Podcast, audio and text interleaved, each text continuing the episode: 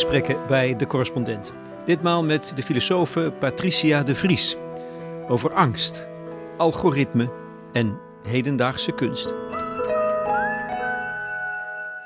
Um, op het moment dat je je angst leert kennen, op het moment dat je er kennis mee maakt, dan zul je dus zien dat, dat, dat het gaat om een soort van disbalans tussen dat je of jezelf veel te veel reduceert tot, tot gegevenheden. Uh, dat je jezelf helemaal hebt vastgezet en, en, dat je dus weer contact moet maken met, met, ja, met, met, met de, de mogelijke wonderen, de, de, de schitteringen. Um, maar dat betekent dat je dus ook de deur open doet voor, voor mogelijk uh, verderf, vernietiging, uh, nou, onverschilligheid. Ja, je, zet, je, zet, je, kan, je kan niet zeggen ik wil het een wel, maar het ander niet. Want daar, omdat we dat nou eenmaal niet in de hand hebben, stel je ook de deur open voor iets waar je. Nou, dingen kunnen, kunnen dus van, van kwaad tot erger gaan. Het is dus niet dat mogelijkheid altijd de mogelijkheid is om te ontsnappen. Het kan ook zijn, uh, het is ook de mogelijkheid dat het, dat weer, dat het helemaal misgaat. Dus die, daar zit, dat is een spanning. Um, ik denk dat het voor Kierkegaard vooral gaat, uh, wat hij dan noemt beweging ter plaatse, is dat ook al um, ja, lijkt uh, dat lijkt een situatie zo helemaal uh, ja, allesomvattend en voel je je in de hoek gedreven dat uh, door je te verhouden tot, tot het tegenovergestelde, dus in, voor, door je te verhouden tot een ander, door je te verhouden tot, nou, tot het, het, oneindige, dat je daarin dat, er, dat, je, dat daarin altijd weer iets van ruimte of beweging zit.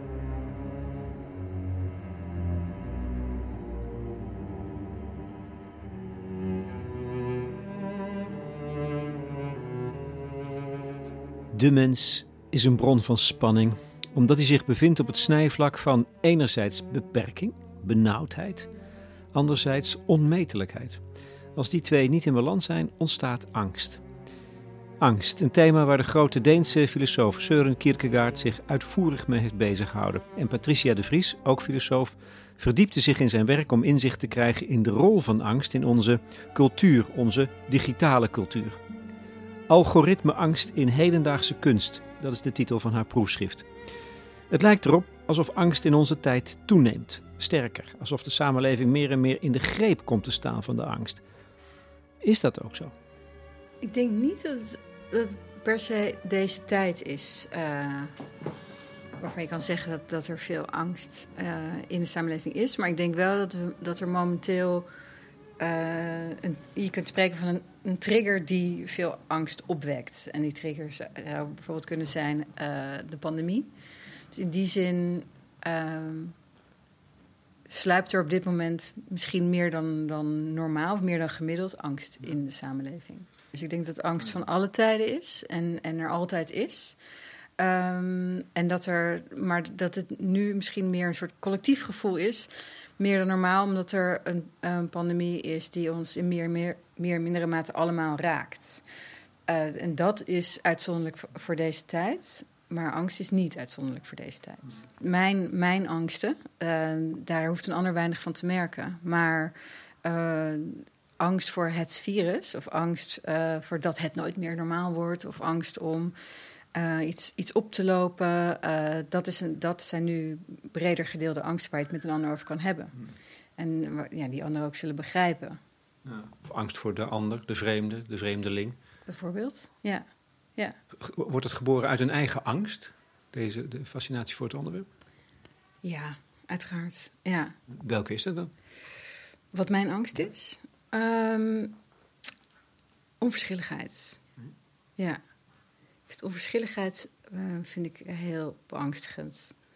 En, en ik denk ook dat dat, um, dat, ja, dat dat iets is wat me aantrok in de filosofie van, van Kierkegaard. Ik denk dat, ik bedoel, kan het niet vragen, weet je, de beste man is natuurlijk al lang dood, maar um, wat hem verontrustte was een bepaalde mate van uh, ja, gezapigheid, van met mij gaat het toch goed. En uh, ja, een gebrek aan... Um, Begeisterung, een, passie, uh, revolutie, uh, creativiteit, uh, geloofsprong, um, moed. Dat zijn allerlei nou ja, concepten die heel centraal staan in zijn filosofie en die hij in, in, in het Kopenhagen van zijn tijd, die hij nou ja, daar dus niet, niet ziet in, in de samenleving waarin hij schreef en dacht en leefde. En ehm, ja, dus en dat, dat, ik kan me voorstellen dat hem dat beangstigde. Is het iets om panisch van te kunnen worden? Heb je dat wel eens meegemaakt? Panisch? Hmm. Denk het niet. Het is een, een, zachte angst. Ja, angst komt natuurlijk in. Uh, de, goed, dat, dat, angst komt natuurlijk in allerlei vormen. Eh, angst kan zijn, uh, kan zich voordoen in slapeloosheid, in piekeren in eindeloos plannen maken, in je leven helemaal dichttimmeren en volgens eh, wat hij dan noemt, volgens de cijfers leven. Dus bijvoorbeeld, um, nou, om, uh, tot mijn twintigste, 25ste mag ik, ga ik nog helemaal los. Dan ergens tussen 25 en 30 moet de, moet de partner komen. Uh, en kort daarna ook het, gezin in het huis, wellicht ook wel de auto. Um, ja, en dan heb je zo 40, 50 toch nog die ene reis. En dan zo 50, 60 die ene hobby. Het benauwt me nu al. Nou ja, ja precies. Maar dat is, uh, dat is een manier van, um, van wat, wat hij zegt, dat is een manier om angst niet te hoeven voelen. Om dus je leven heel voorspelbaar te maken. Om het, om het te doen zoals de meerderheid het doet, met het idee van dan, dan heb ik rust.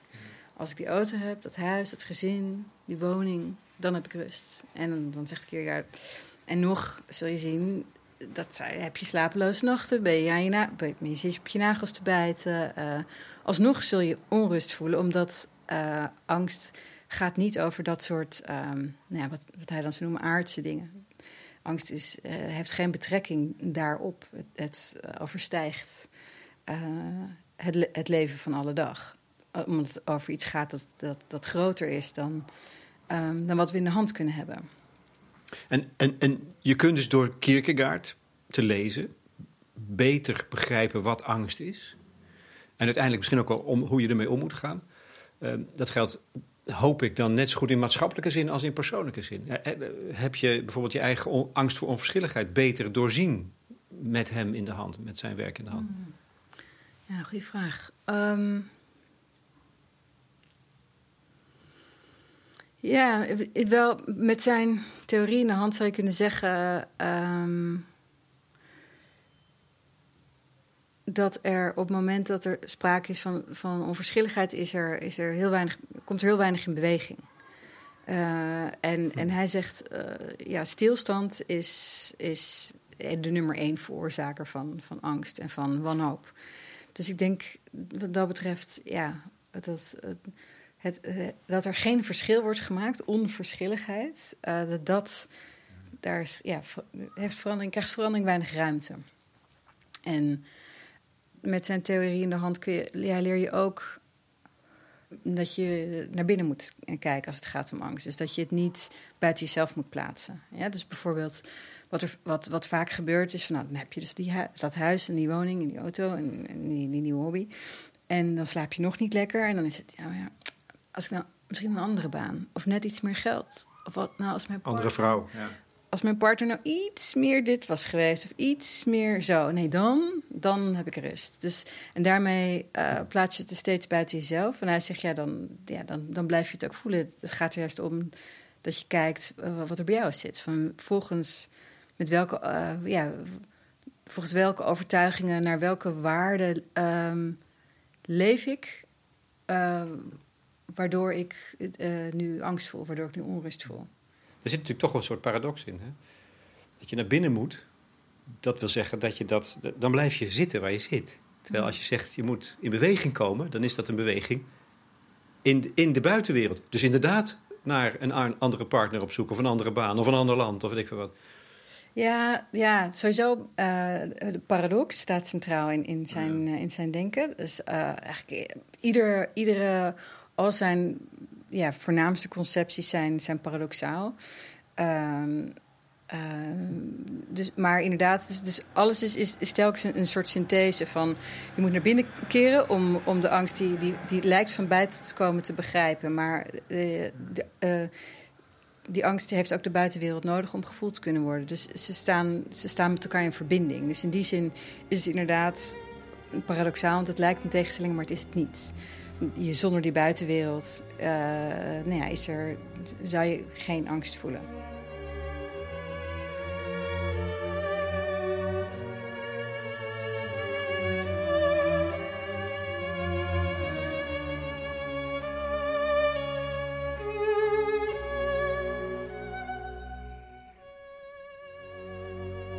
Wat is angst? We hebben, we hebben namelijk wel reden om angst, angstig te zijn. Ja. Nou ja, dat is ook het beginpunt. Weet je? Dus eigenlijk zegt hij van uh, er is angst, er is altijd angst. En angst is niet iets wat je op kan lossen. Dus het is niet iets wat je kan doen waardoor je het kwijt bent. Uh, het is eigenlijk alleen maar iets waarmee je uh, moet leren leven.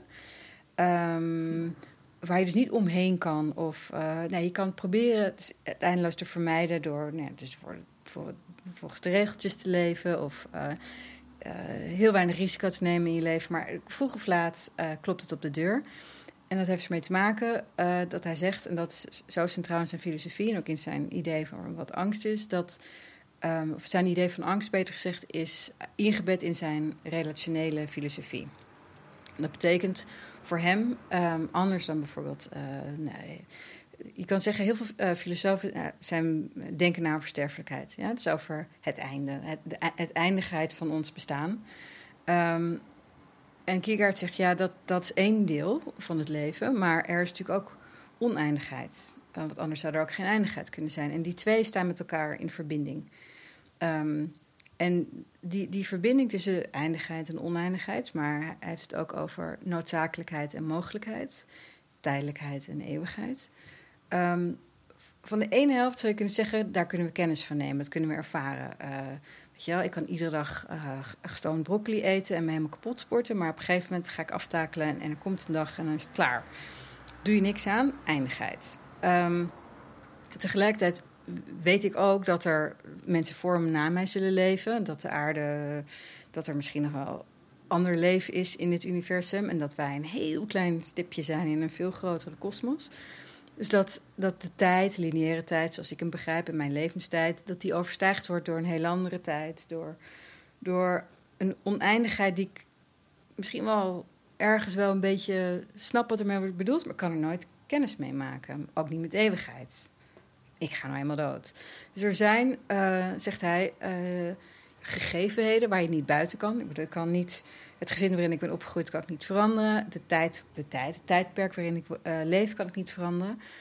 Um, dat zijn zeg maar gegevenheden. Maar er zijn dus ook zaken die invloed hebben op hoe ik mijn leven begrijp, uh, die, ja, die, die, die veel groter zijn. Dus, dus eeuwigheid, onsterfelijkheid, uh, mogelijkheid.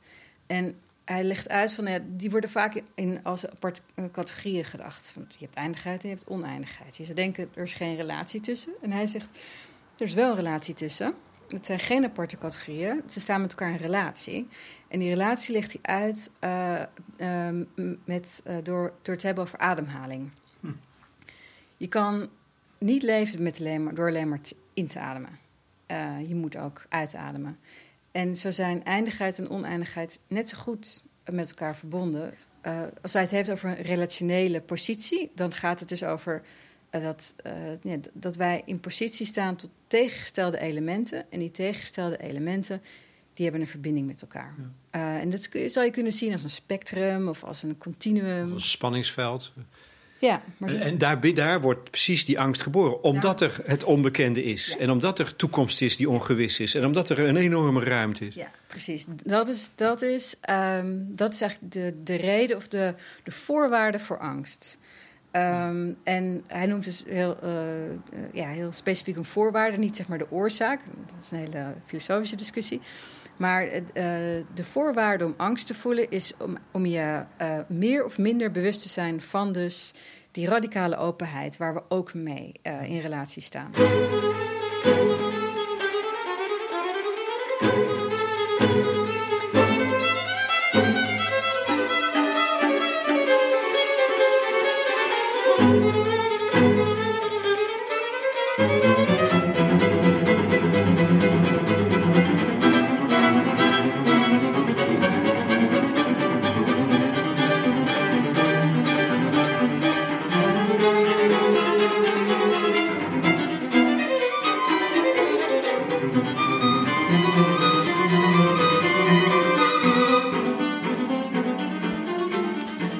Las even een intermezzo in. Patricia de Vries filosofeert niet alleen over angst, ze zoekt hem ook op een andere manier op.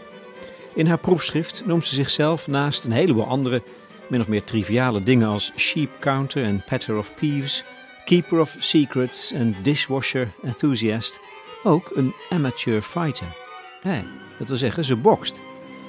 Na afloop van het gesprek zal ze me foto's laten zien van een bebloede tegenstandster, dus van enig fanatisme moet toch sprake zijn. Het lijkt mij een manier om de angst recht in de ogen te kijken. Heeft die confrontatie haar ook bevrijd? Ja, ja ik denk. Um, ik, ik, weet nog, ik, ik, deed mee aan een, trainingskamp van een aantal maanden. En op een gegeven moment kreeg ik van iemand een, een, een meme toegestuurd. En dat was: boksen goedkoper is dan therapie. En ik dacht, is niet alleen goedkoper, maar ook inderdaad een stuk heilzamer. Um, want als je als je gaat boksen, als je besluit de ring in, te gaan. Als je nog ergens iets in een, onder tapijt hebt liggen of ergens in een donker hoekje in een kast hebt gestopt, dan, dan komt het in volle glorie uh, tevoorschijn. Omdat het, uh, ja, het is, een confrontatie met, met, je groot, met je grootste angsten, namelijk nou ja, vernietiging. en, en je bewust worden van, van je vernietiging. Ik bedoel, als er op een moment een keer het licht uitgaat, ja prima. Maar wetende dat het aanstaande is, of wetende dat die mogelijkheid er is, um, ja, dat ruimt heel erg op. um, in, in, in, nou ja, goed. Um, en het bracht ook heel veel van, van uh, Kierkegaard's theorie in, heel, maakte het heel erg concreet. Uh, in, met, met boksen gaat er om dat je blijft bewegen. Want zolang je beweegt kun je niet geraakt worden. Um, uh, dus in, in die zin ben je steeds om je tegenstander heen aan het draaien. Uh, en je probeert uitwisselingen zo, zoveel mogelijk te beperken tot, tot het noodzakelijke. Dus je, maar dat, dat, dat doe je allebei. Um, dus in, die zin, nou ja, het is, het is, een soort een, een dans om, om noodzakelijkheid, dat is de ring. Daar kom je niet uit en mogelijkheid van, nou ja, goed, het, het spelen met, met ruimte. Steeds weer de ruimte te zoeken. En dat is denk ik ook wel een van de, nou, een van de lessen die, die ik inderdaad heb, heb, geleerd. Op het moment dat je, dat je in een volley zit, dus op het moment dat je wordt aangevallen en, je gaat in je dekking staan en uh, je, je, voelt van, uh, van alle kanten uh, stoten komen, dan denk je van dit is het. Ik bedoel, dit, nu ga ik neer of nu, nu, dit houdt nooit op. Um, en dan ja, in, in training leer je dan hoe je jezelf uit de hoek, letterlijk uit de hoek vecht. Hoe je uit de hoek kunt komen. Uh, door, door te bewegen, door een, een stap te... Een, eigenlijk zo simpel als een stap te zetten. Um, en dat, dat, dat zelfs in een situatie die, die, waarin je dus echt in een hoek zit... dat, dat het je uit de hoek vechten... ja, dat werd ineens iets heel... niet alleen... ja, dat werd iets heel letterlijks. En... en Um, en bevrijdend. Ja, en, en dus bevrijdend, ja. Ja, ik heb. Ik, het is nog misschien te vroeg om te zeggen wat ik heb achtergelaten in, in, in de ring, maar ik heb heel veel achtergelaten. En, en, nou, uh, je doet ook, uh, je, je, vecht dus ook partijen. Hè? Het is niet alleen maar trainingen, maar je doet ook aan wedstrijden. Nou, ja, ik heb één, één wedstrijd uh, gevochten. en, um, Hoe ging dat? Ja, ja, ik vond het een, een nou ja, ook echt een, een hele bijzondere ervaring. Ik bedoel, een beetje, dit klinkt heel raar, maar um, zoals vrouwen wel spreken over bevalling, dus dat, dat, je, dat iets overkomt wat, wat jou overstijgt, dat, je, dat iemand anders het lijkt wel over te nemen van je lichaam en dat je, dat je, dat je eigenlijk met vertrouwt op iets dat je draagt. Uh, ja, dat is, dat is echt wat ik, wat ik daar heb uh, ervaren. Dus ook letterlijk van. Um, ja, dit is een, dit is, ja, dit, dit, ik heb dit lichaam en dat staat hier, maar er zijn nog zoveel andere dingen die hier nu meewerken en meevechten. En andere energieën die hier ook uh, deel van uitmaken. Dus, dus toch ja, je tegenstander opzoeken, maar je tegenstander is ook de angst opzoeken, eigenlijk. Ja. Is dat wat je dan aan het doen bent? Ja. En waardoor je verder komt. Ja. Ja, en, en, en door, door het aan te gaan. En, uh, en ja, en, en, ja en, en ook dat je beseft dat je het samen doet. Dus het voelde, um, gek genoeg, um, het eerste wat je, wat je voelt na zo'n wedstrijd is heel veel liefde voor je tegenstander. En ik dacht, Jezus, ik hou van die vrouw. Van, dat je, zo, je allebei zo kwetsbaar uh, maakt in, in zo'n ring. En, en, dat je het helemaal alleen moet doen. Want op een gegeven moment, ja, je coaches, je trainers, je stappen uit de ring. En je mag het zelf gaan doen. De bel gaat en it's, it's you. En tegelijkertijd ook weer niet. Want in iedere pauze word je verzorgd. Wordt een, een, een sponsje in je nek gelegd. Word je uh, krijg je een slokje drinken. Uh, wordt je zweet afgedept. Uh, het is ook heel intiem. En, en wordt, wordt weer de... Ja, wordt, ja wordt, wordt je weer... Is er ook weer steeds weer die ander. En die ander is natuurlijk ook weer in de ring. Dus het is iets... Ja, het is een... Het is een ik kan me voorstellen dat, dat het aan de buitenkant er heel nou ja, gewelddadig uitziet. Um, en, maar het heeft nooit geen seconde uh, als gewelddadig gevoeld op het moment dat je, dat je een, een, partij vecht. Dat voelt niet als geweld. Dat, dat, is, dat is niet iets wat, uh, wat je ziet op straat, waar ik echt gewoon maag zich van om kan keren. Maar ja, dit is, um, ja, het is, het is eigenlijk een hele. Het gaat echt, het gaat echt over ja, levensenergie. En, en de wil tot leven. Die je dan op dat moment allebei van elkaar voelt en uitwisselt.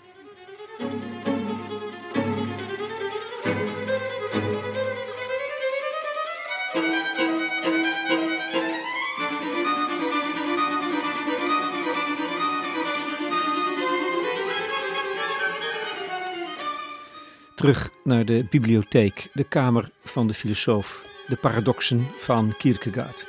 Om te praten over een tegenstander die ook angst in kan boezemen, maar veel ongrijpbaarder is, om niet te zeggen onzichtbaar. Het internet. Meer specifiek, het algoritme. Dat internet heeft zich ontpopt tot een monster, waar we meer en meer bang voor zijn omdat het zoveel kapot maakt. Denken we, is die angst terecht of niet?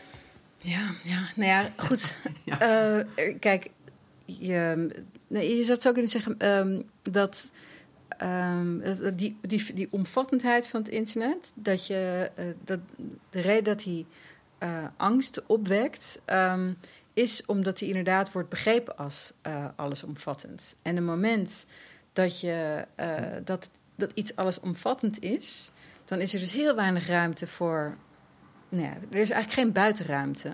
En op het moment dat er geen buitenruimte is, dat, ja, dat voelt natuurlijk meteen al totalitair. Want dat is eigenlijk wat, wat een, het idee van of nou totaliteitsdenken is of totalitaire uh, staatsvormen. Er is geen buiten. En dat, uh, dat idee, uh, of die angst, wordt op het internet geprojecteerd van we kunnen er eigenlijk nooit buiten. en omdat we er niet buiten komen, zijn we er, zijn we eigenlijk gevangen. Zijn we, ja, hebben we onszelf gevangen gezet in dat wereldwijde web. En als mensen dus zeggen van ja, maar het tast onze vermogens aan, zoals contact maken, hè, bij de ander zijn, fysiek, hè, lezen, hele concrete dingen, dan, dan komt dat eigenlijk uit die onderliggende angst voor opgesloten zijn. Zou je... Ja, ja, precies. Zo, zo, zo zou je, je, uh, ja, zo zou je dat kunnen uitleggen. Van, um, maar het is toch ook zo? ja. ja. Of, of, andere dingen als dat het gebruikt wordt om geld te verdienen over ons. Dat we verslaafd zijn. Om allerlei... Dat zijn toch allemaal hele reële dingen? Dat zijn toch niet alleen maar projecties op dat grote ja, monster van het internet dat we nooit kunnen doorgronden en beheersen? Nee, dat, en dat zijn inderdaad problemen. Um, maar de vraag is, hoe ga je er vervolgens mee om? Dus je kan, uh, dus je kan zeggen, nou ja, er is sprake van internetverslaving, niet bij iedereen en niet in gelijke mate. Maar ja, er zijn absoluut uh, mensen die, die daar last van hebben. Telefoonverslaving, hoe je het noemen wil.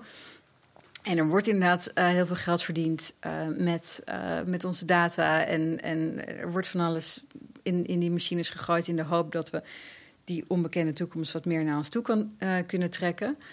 Um, maar dat verandert niks aan het feit dat, dat, dat, er ook nog, dat er nog veel ruimte daaromheen is.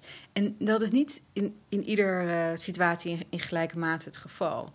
Uh, dus je zou kunnen zeggen dat, um, ja, dat, dat je steeds op zoek moet naar, naar, naar daar waar, waar dingen weer in beweging kunnen komen.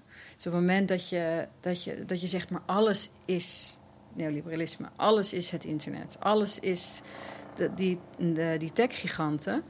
Um, dan heb je, dan heb je, zou je kunnen zeggen, door noodzakelijkheid bij de neus laten nemen. Want dan doe je alsof, of, alsof al dat andere eh, er niet is. Ja. Wat En niet- dat het onvermijdelijk is ook. ja, precies. Dat je, dan is de vraag van, oké, waar, waar kan ik weer ruimte voor dat andere gaan zoeken? En soms is die ruimte groot en soms is die ruimte klein. Ehm, en soms is het, nou ja, goed, dat, en dat hangt natuurlijk ook heel erg af van ehm, eh, nou ja, hoe, hoe, je, hoe je zelf gevormd bent. Dus bijvoorbeeld ehm, het feit dat ik een, eh, een witte westerse vrouw ben, eh, is, is in relatie tot het internet in sommige gevallen eh, eh, of als het gaat om bijvoorbeeld surveillance of, of eh, allerlei instanties waar, waar ik mee te maken heb, zal ik minder snel in een risicocategorie vallen dan iemand met een andere achtergrond. Dus in die zin is er, heb ik al meer ruimte dan iemand die al heel snel in, in risicocategorieën wordt vastgezet. Dus, dus ja, met dat verschil. Van, soms betekent het dus ook dat, nou ja, dat je de ruimte die een ander niet, niet heeft, dat, dat, dat je aan mij dat je, je het appel kan voelen van oké, misschien moet ik dan ruimte voor een ander gaan maken. Dus dat, dat het gaat om steeds weer die eh, steeds weer ruimte te zoeken op het moment dat je denkt dat, dat je helemaal vast zit. Dan klopt er iets niet in, ehm, in je. Ja, zou je kunnen zeggen, dan klopt er iets niet in je, in je overtuiging. Of in ieder geval, dan, ben je, je, dan laat je je niet meer raken. Of dan sta je niet meer in contact met al datgene wat er buiten valt. Dus is het toch weer mijn eigen verantwoordelijkheid.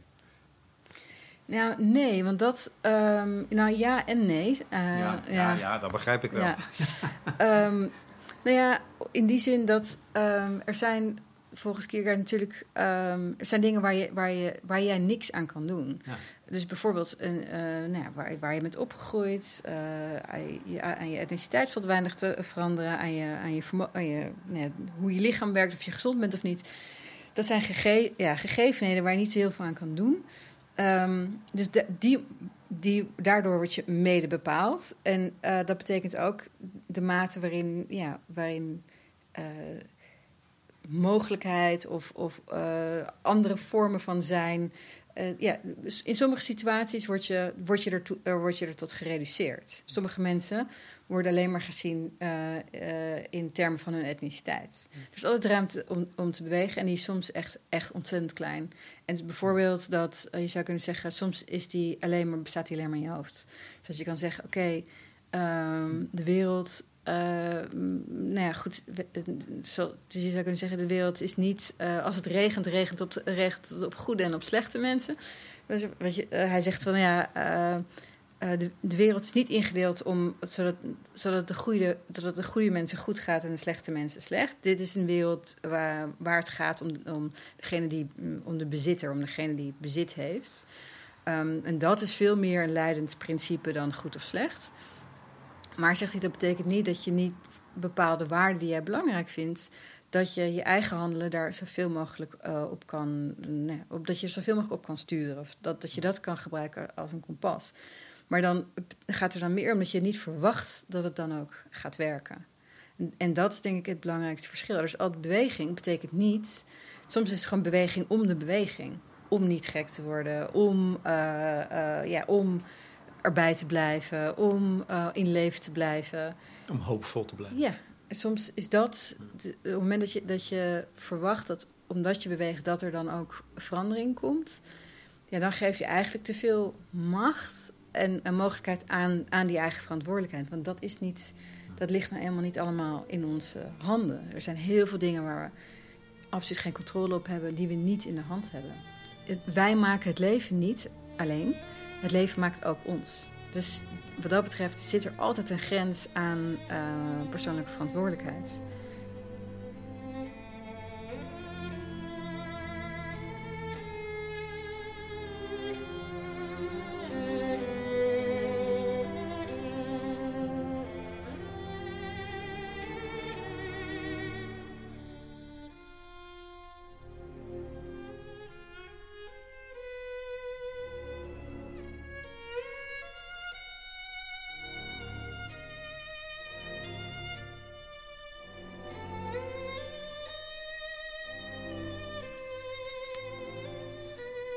Nee, de dingen zijn niet enkelvoudig. Niet bij Kierkegaard en ook niet voor Patricia de Vries. Neem het algoritme. In dit geval de algoritmen van zoekmachines. Die zijn ontworpen om de angst van de mens tegenover al die beschikbare informatie, die onmetelijkheid te beteugelen. Door het terug te brengen tot behapbare proporties, een kleine ruimte binnen het universum van het internet. De ironie wil dat juist daardoor weer nieuwe angsten worden opgeroepen. Al is het maar omdat we geen idee hebben wat daar gebeurt. Ja, ja zeker. Je kunt zeggen dat een middel of een, of een, inderdaad een techniek die is ingezet, in, ingezet om, om contingenties, om die, dat, dat, dat die radicale openheid uh, een beetje in te perken, dat die op haar beurt, zijn beurt, ook weer een radicale openheid creëert. Niet alleen door uh, nou ja, doordat er natuurlijk van alles mis kan gaan, maar ook omdat we absoluut niet. Het, het creëert een eigen werkelijkheid. Uh, omdat, we, omdat die, processen zo uh, nou ja, complex zijn, maar ook complex zijn om, omdat ze. Um, ja, omdat er allerlei modellen op worden toegepast, meerdere verschillende soorten algoritmen op elkaar reageren. En, het is bijvoorbeeld, je, had het net over, wij zijn allebei wit. Die algoritmen zijn racistisch en seksistisch. Maar we hebben dat niet door. Nou, ik denk dat mensen die uh, wachten op de Belastingdienst... Uh, ze eindelijk een keertje uh, het geld terug gaat geven waar ze al jaren op wachten. En, en dat die dat wel degelijk doorhebben. En dat nu, denk ik nu wel. Ja, maar ik denk dat dat is denk ik ook wel um, het feit dat, dat, dat, dat, dat algoritme en, en dataïsme... en dat dat nu zo'n een groot onderwerp is, is het ook omdat het, misschien wel voor het eerst een bepaalde middenklasse raakt. Want ja, dit zijn. Uh, Basquiat bijvoorbeeld uh, schreef al over uh, bias in, in politiewerk nou, nog, nog nou, in de jaren zeventig. Dus het is iets waar, waar mensen uit, uit ja, wat wij dan minderheidsgroepen noemen, uh, al, al heel vaak mee te maken hebben gehad. Of het nou gaat om, nou ja, inderdaad, om, dus of je bepaalde subsidies wel of niet krijgt, uh, de banen die je wel of niet krijgt. Dus die hebben daar al, al veel vaker uh, mee te maken gehad. Maar op het moment dat je, zeg maar, om heel plat aan de portemonnee komt van de welgestelde middenklasse, ja, dan, dan, dan, dan begint het gepiep. Van zij, uh, zeker, het, wordt nu echt wel een stuk beter. Maar laten we zeggen, vijf, zes jaar geleden was het discours van... Nou ja, maar straks worden mijn trein, vliegtickets duurder gemaakt... of wordt mijn verzekering omhoog... Uh, wordt, wordt mijn verzekering duurder door... Nou goed, en dat zijn dan allemaal een soort van speculaties op de toekomst. Terwijl je kan zeggen... Um, dat het, het, het, dichtgooien van mogelijkheden, door, mede door of, of ten dele door uh, algoritmisch systeem, is iets waar, uh, waar mensen die uh, nou ja, uit minderheidsgroepen al, al, al veel langer mee te maken hebben gehad. Maar ze, ze doen het wel degelijk. Hè? Je, je, schrijft met zoveel woorden dat het. Je denkt dat met de algoritme van, van Google's zoekmachine. je dat, die, die, dat universum doorzoekt. Ja. Nou, dat is, dat is niet zo. Het is een, ja, wat is het eigenlijk? Ja, je zou kunnen zeggen, um, nou ja, je, zou kunnen zeggen, je gaat een bibliotheek in en je wil een vraag beantwoorden. En uh, je wil bijvoorbeeld weten, wat is een auto? En, uh, en de bibliothecaris zegt van, nou, je, mag, je kan alleen in die kamer en alleen op die plank en dan alleen de eerste tien boeken. En uh, toevallig zijn dat dan ook boeken geschreven door mensen waar, waar, nou ja, die deels de, de huur van een bibliotheek betalen dan heb jij niet het idee dat je een, een, een objectief uh, uh, beeld kan schetsen van wat een auto is. Maar feitelijk is dat. Het, het is heel erg gechargeerd. Maar het is, het, ja, je zoekt binnen een, een, uh, een ruimte die. waar ja, de markt en, en, en verdienmodellen boven alles uitgaan. Ja. En, en, en, die dus selectief is. Ja. Vaak eigenlijk zonder dat je het door hebt. Wij, wij, wij denken wel ja. Dat, dat, zo gaan we de, de, in het dagelijks gebruik gaan we ermee om. Ja. Ja, en dat heeft natuurlijk ook te maken met het platform en met, uh, nou ja, goed, Safari heeft bijvoorbeeld een navigatiesysteem heel lang als, als symbool van, uh, je, je, you're surfing the web of je navigeert een zee aan, aan informatie. En, um, ja, en ook de, de, de neutraliteit bijvoorbeeld die Google probeert uit te stralen met zo'n heel wit, uh, ja, spierwit uh, search engine. En, en van nou, typ, typ, het maar in. We gaan het voor je zoeken. Of, of dit zijn uh, onze resultaten. Um, maar goed, aan de achterzijde gebeurt natuurlijk van alles. Ja. Nou ja, ik, ik, ik, het schiet, misschien is het onzin, maar als een flits schiet uh, nu toch door mijn hoofd. Dat je dan eigenlijk weer terug bent bij onverschilligheid. Snap je dat ik dat? Hè? Dus dat je, want je krijgt gewoon een spiegel van wat je eigenlijk wel wil weten. Ja. Maar niet van wat je niet wil weten, want dat is bedreigend. Dus dat sluit Google in feite af van je. En dan ben je dus terug bij dat, dat niet-verschil, namelijk het vertrouwde. Ja, hetzelfde, hetzelfde, hetzelfde, hetzelfde. Ja. Dus, dus onverschilligheid.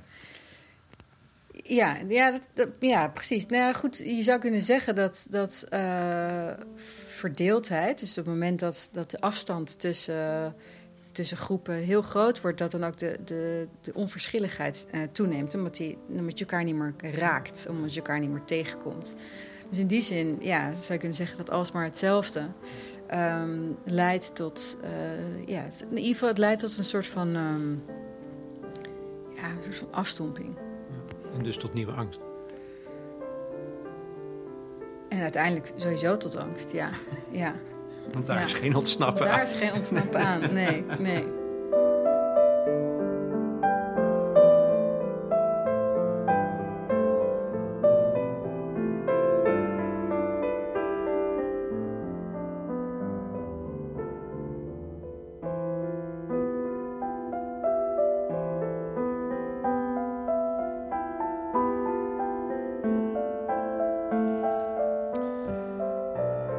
Is geen ontsnappen aan de angst. Nee, echt niet. Denk nog even terug aan de bokser in de ring, tegen de touwen geslagen. Ze doet een stap opzij, vindt bewegingsruimte. En dat is dus ook een metafoor. Patricia de Vries promoveerde op algoritmeangst in hedendaagse kunst. Haar boek is onder andere ook een prachtig pleidooi voor de kunst als ontsnappingskunst. Ik laat in deze podcast muziek horen van Shostakovich. Nou, als er één componist is geweest bij wie de angst mede op bed zat, dan, dan hij wel. Hij had altijd een koffer klaarstaan, mochten de mannen van Stalin komen. En toch vond hij ruimte in zijn muziek. Kunstenaars kunnen iets openbreken, of juist op een heilzame manier confronteren met dat wat zo angstig maakt. Patricia de Vries zoomt in haar proefschrift in op een verbluffende video van Camille Enro, Grosse Fatigue. Ja, het was, uh, ik zag hem voor het eerst in. God, waar was het? ZKM. Nou goed, in ieder geval in een museum. En ik zag hem en ik dacht, hoe, hoe, hoe dan ook, hier ga ik uh, mijn proefschrift mee eindigen. Dit is zo overdonderend en, en dit raakt zo. Uh, en nou goed, en dat heeft natuurlijk ook te maken dat ze alle registers opengooit. Ik bedoel, poëzie, uh, wereldgeschiedenis. In the beginning, a dark ocean washed on the shores of nothingness and het is een feest van overstelpende beelden, van montagekunde, van ritme schoonheid. Monroe deconstrueert de werking van algoritmen. Die maken de wereld klein, lekker klein, creëren een afgesloten informatieruimte waar je niet bang hoeft te zijn. Om vervolgens de muren te slechten en te laten zien wat er allemaal nog buiten is. Een stem bijvoorbeeld somt rustig alle verschillende mythen op over het ontstaan van de wereld. Het is maar wat je wil geloven het is dus wel een werk wat, um, wat, wat, wat, die zoektocht van de mens, uh, uh, zowel heel abstract, maar ook heel concreet uh, ja, verbeeldt. Zoektocht als, als dat wat ook angst inboezemt. Namelijk die confrontatie met de oneindigheid van informatie als het gaat om, om internet, denk ik. Ja, ja. ja en dat, dat we steeds manieren proberen te vinden om die onzeker, die, die, nou, die onzekerheid die er altijd is. Dus dat, dat je zou kunnen zeggen, uh, um, we verhouden ons uh, uh, ontologisch speculatief tot de werkelijkheid. We denken dat het ongeveer zo werkt, maar helemaal zeker weten zullen we het nooit doen.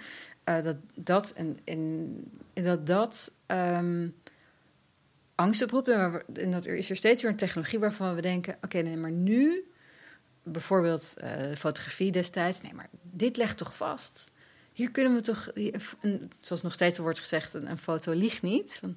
En steeds is er weer nieuwe technologie waarvan we hopen van, nou misschien lukt het deze om die, om die blik te hebben. Dus wat nou, nu hebben we dan een zoekmachine die alle kennis, zo denken we, van de hele wereld bij elkaar, die op net dan gepubliceerd wordt, um, die, die dat voor ons vindbaar en toegankelijk maakt.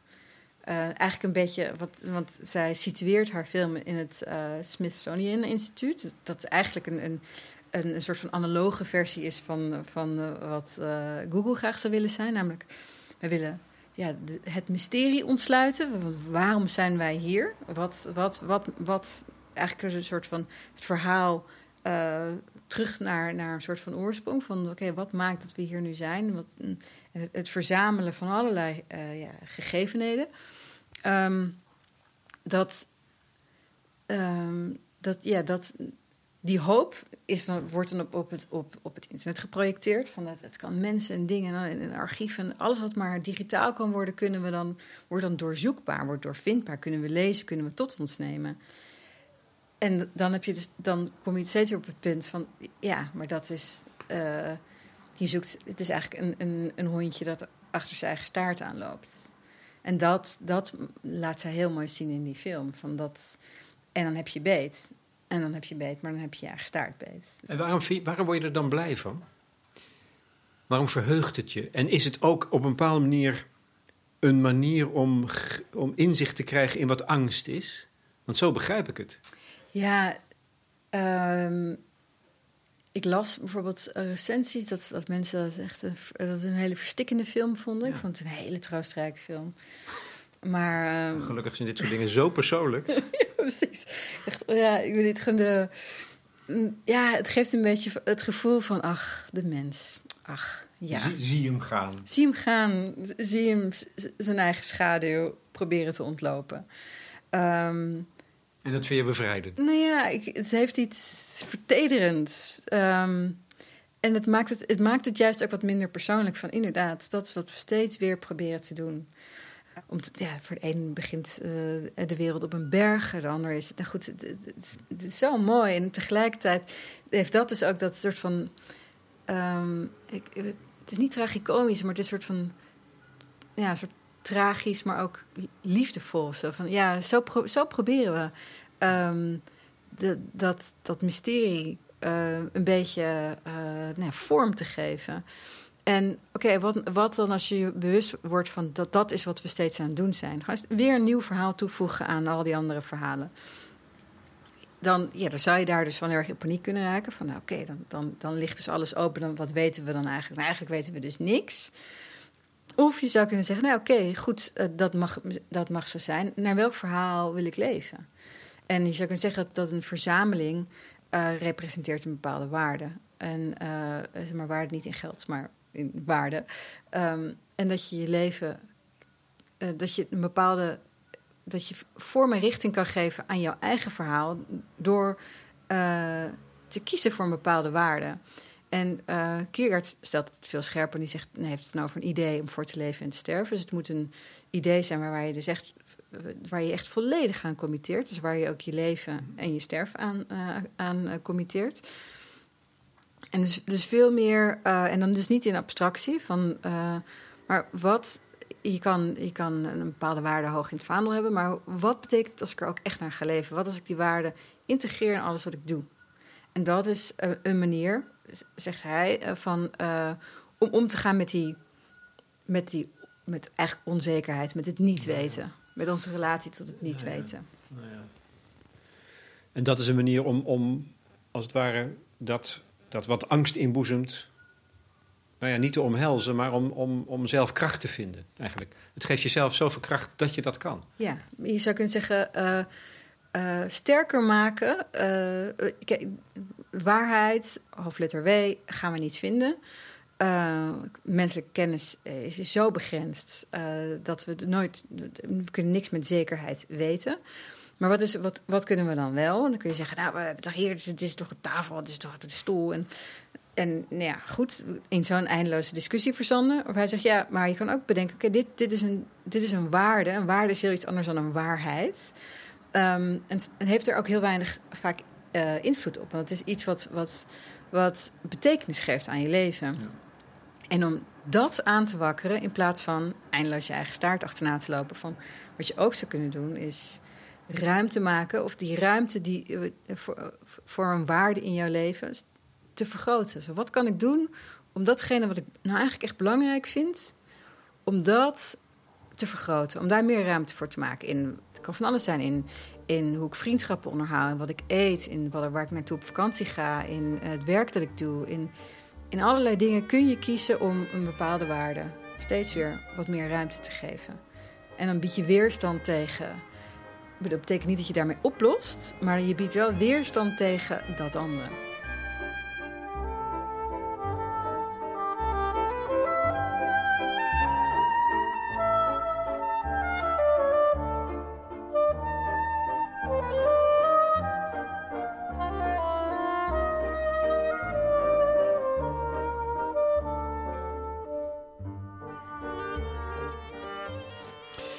Dat andere. Tegenover de onwrikbaarheid aan de ene kant staat radicale openheid. Ik zeg het nog maar eens, oneindige mogelijkheid. Waar die twee categorieën niet goed op elkaar aansluiten in een mensenleven broeit angst. En volgens Kierkegaard blijft het zinvol om je niet te verschuilen in onverschilligheid. Om uit te reiken, een sprong te wagen. Desnoods in het diepe.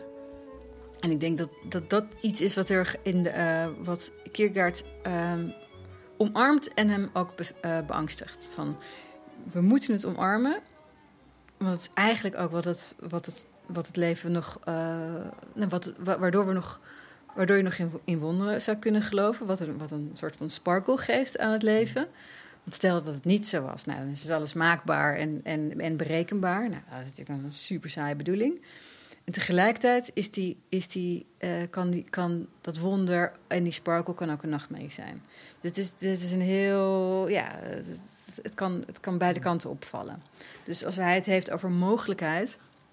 Is het dus niet zoals wij dat vaak bedoelen: mogelijkheid van je kansen pakken. Maar de mogelijkheid is. Mogelijkheid is alles mogelijk. Dus ook het ondenkbare. In goede zin en, en, uh, en in verschrikkelijke zin en alles daartussen.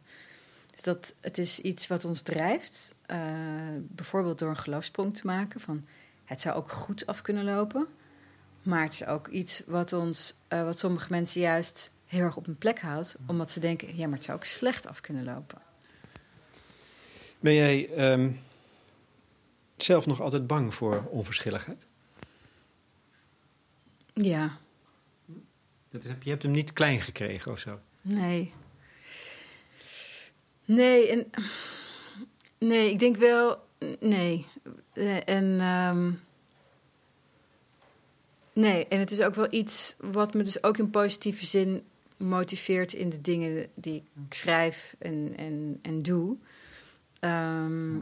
Nou ja, in, in, dat ik hoop dat het iets, iets raakt. Of uh, ja, dat ik probeer die uitreiking die handreiking in ieder geval te maken en, en te blijven maken en te blijven bewegen. Nou ja, dat, van, dat vind ik zo mooi en zo inspirerend. En, en, en, als je het zo simpel zegt, je moet eigenlijk in beweging komen, juist wel. Ja. Kunstenaars doen dat, die breken dingen open. Die maken je toch op een of andere manier vertrouwder met dat angstaanjagende onbekende. Maar ik geloof, ik geloof wel dat dat zo'n zo'n stimulerend idee is dat je altijd in beweging kunt komen. Fysiek, zelfs hè, wandelen. Zelfs dat helpt al. Ja, ja. ja. ja. ja het, dat vond ik dus een hele mooie... Uh, bedoel, uh, het beweging ter plaatse, dus dat is een van zijn centrale concepten. Nou ja, goed, alleen al, daar zit natuurlijk ook een hele mooie tegenstelling in. Uh, maar voor hem was het ook echt uh, uh, bewegen in, in, je denken. Dus, dus bijvoorbeeld het bewegen in zijn denken zie je in zijn hele oeuvre terug. Dus hij, in ieder boek neemt hij een ander, andere persoon aan, een, een, persona. Zeg maar. dus, en soms neemt hij binnen, bepaal, binnen een boek neemt hij tegenovergestelde posities in. Um, en uh, hij schrijft nou ja, uh, religieuze teksten, brieven, uh, echt zwaar filosofische werken, theologische werken, literatuur, er zit, poëzie, er zit van alles in. Dus ook in zijn, in zijn stijl van schrijven en in de verschillende filosofische posities die hij in ieder werk inneemt. En ook dus verschillende posities binnen één werk. Dat zou je kunnen zien, dat dat is beweging. Beweging in zijn denken en steeds en dus ook steeds weer een, hele, een andere positie innemen. Dezelfde gedachte doorgronden, maar dan vanuit een heel andere positie. Ja, maar dat doe je toch zelf ook? Je, bent, je hebt volgens mij een hele levendige, bewegelijke geest. Dus hè, dan zou je toch op een gegeven moment zeggen, dan, dan neemt die angst toch af? Ja, ik denk en bij hem ging het ook nooit over. Maar dat, dat, is, dat is iets wat ik dan niet begrijp. Nou ja, omdat omdat het, het is niet iets, het is geen probleem dat je op kan lossen. Het is echt alleen maar iets wat je. Kijk, je kan, je kan er wel meer of minder door overweldigd worden. Of het kan je meer of minder raken. Of je kan er. Uh, ik ben verder niet, uh, beslist niet risicoavers. Bijvoorbeeld, wat heel veel angstige mensen misschien wel zijn. Dus in die zin kun je zeggen. het, heeft het, niet, het neemt het niet weg, maar ik ga, angst, ik ga angstige dingen niet, ik ga risico niet uit de weg. Ehm, dus, dus dat, daarin zit, uh, zit ook weer beweging. Dus, want zonder risico is er geen beweging. Je moet risico nemen om te kunnen bewegen. Maar voor hem was dus ook dus niet alleen het, de beweging in, zijn denken, dus door al die verschillende posities en manieren van schrijven en manieren van denken, maar ook uh, het, wandelen zelf. Dus dat hij iedere dag ging wandelen. En in een brief naar zijn, uh, ik weet niet, was het nou schoonzus, in ieder geval een, een familielid, uh, die heel erg last had van wat we dus nu depressie noemen en, en destijds en melancholie. Um, zei hij van, verlies nooit de wil om te wandelen. En dan zei hij, ik, ik, ben, uh, ik ben weggelopen van mijn grootste problemen en ik ben op mijn beste gedachten uh, gekomen door te wandelen, door te bewegen. Dus dat is ook zo mooi in zijn filosofie. Van het is niet alleen denken in abstractie, het is ook leef je filosofie. Dus, dus ook letterlijk blijven bewegen. Maak die wandeling. Ga, ga erop uit. Ga iets doen. En, en dus in zijn werk. En dat, ja, dat is inderdaad een, heel, een zeer flexibele geest. Nou moet ik zeggen, um, ja, ik denk ook, weet je wel, voor zijn tijd. Ik bedoel, uh, nog voor zijn 33ste, geloof ik, 32ste, had hij zes van zijn zeven broers en zusters verloren. En zijn ouders waren overleden. Hij had uh, een spinal disease, ik weet niet hoe je dat noemt. Een, nou ja, in ieder geval een, nare ziekte, waardoor hij um, ja, eruit zag, gebocheld uitzag en chronische pijn had. En uh, hij was waarschijnlijk nou ja, klinisch depressief. Dus op zich snap ik wel dat, dat, de man had ook wel wat te klagen. Um, en desalniettemin schrijft hij dus de, een, heel, een, groot deel van zijn, van zijn werk gaat over ja, wat de situatie, de uitgangssituatie kan, kan, kan, kan heel vervelend zijn, maar en dan nog blijven wandelen, blijven bewegen. En dat, dat is iets, ja, uh, daar, zit heel, daar gaat heel veel, heel veel kracht van uit. Alleen al van, van, uh, van die overtuiging. Ja, en het is dan opeens zo geruststellend eenvoudig. Je kunt altijd dan wandelen. Ja. Ja, nou ja, en, en vele zijn... Doe je dat ook trouwens? Ja, nou, ik moet zeggen tijdens de... Dag, nee, maar nou, ja, nee, niet iedere dag. Nee, zeker niet. Maar ik, um, uh, tijdens de pandemie uh, inderdaad uh, heb, ik, heb, wel heel veel gewandeld. En, um, maar wandelen is wel op het moment dat ik iets, ik ergens niet uitkom, of als ik merk dat, dat de wolken zich samenpakken, in mijn hoofd, dan, dan ga ik wandelen. Dus, dus, ik gebruik het wel in die zin meer medicinaal dan, dan dat het een alledaagse, een dagelijkse activiteit is. Maar um, ja, dat is waar. Ik, bedoel, ik ben nooit van de wandeling teruggekomen en ik dacht, nou, dat was echt een slecht idee. Je komt er altijd, um, ja, of misschien in gelijke mate, maar dan heb je op zijn minst een frisse neus gehad. Dus in, in die zin. Um, is het inderdaad heel goed advies. Zowel filosofisch als levensfilosofisch. Uh, uh, um, om, te, om te blijven bewegen.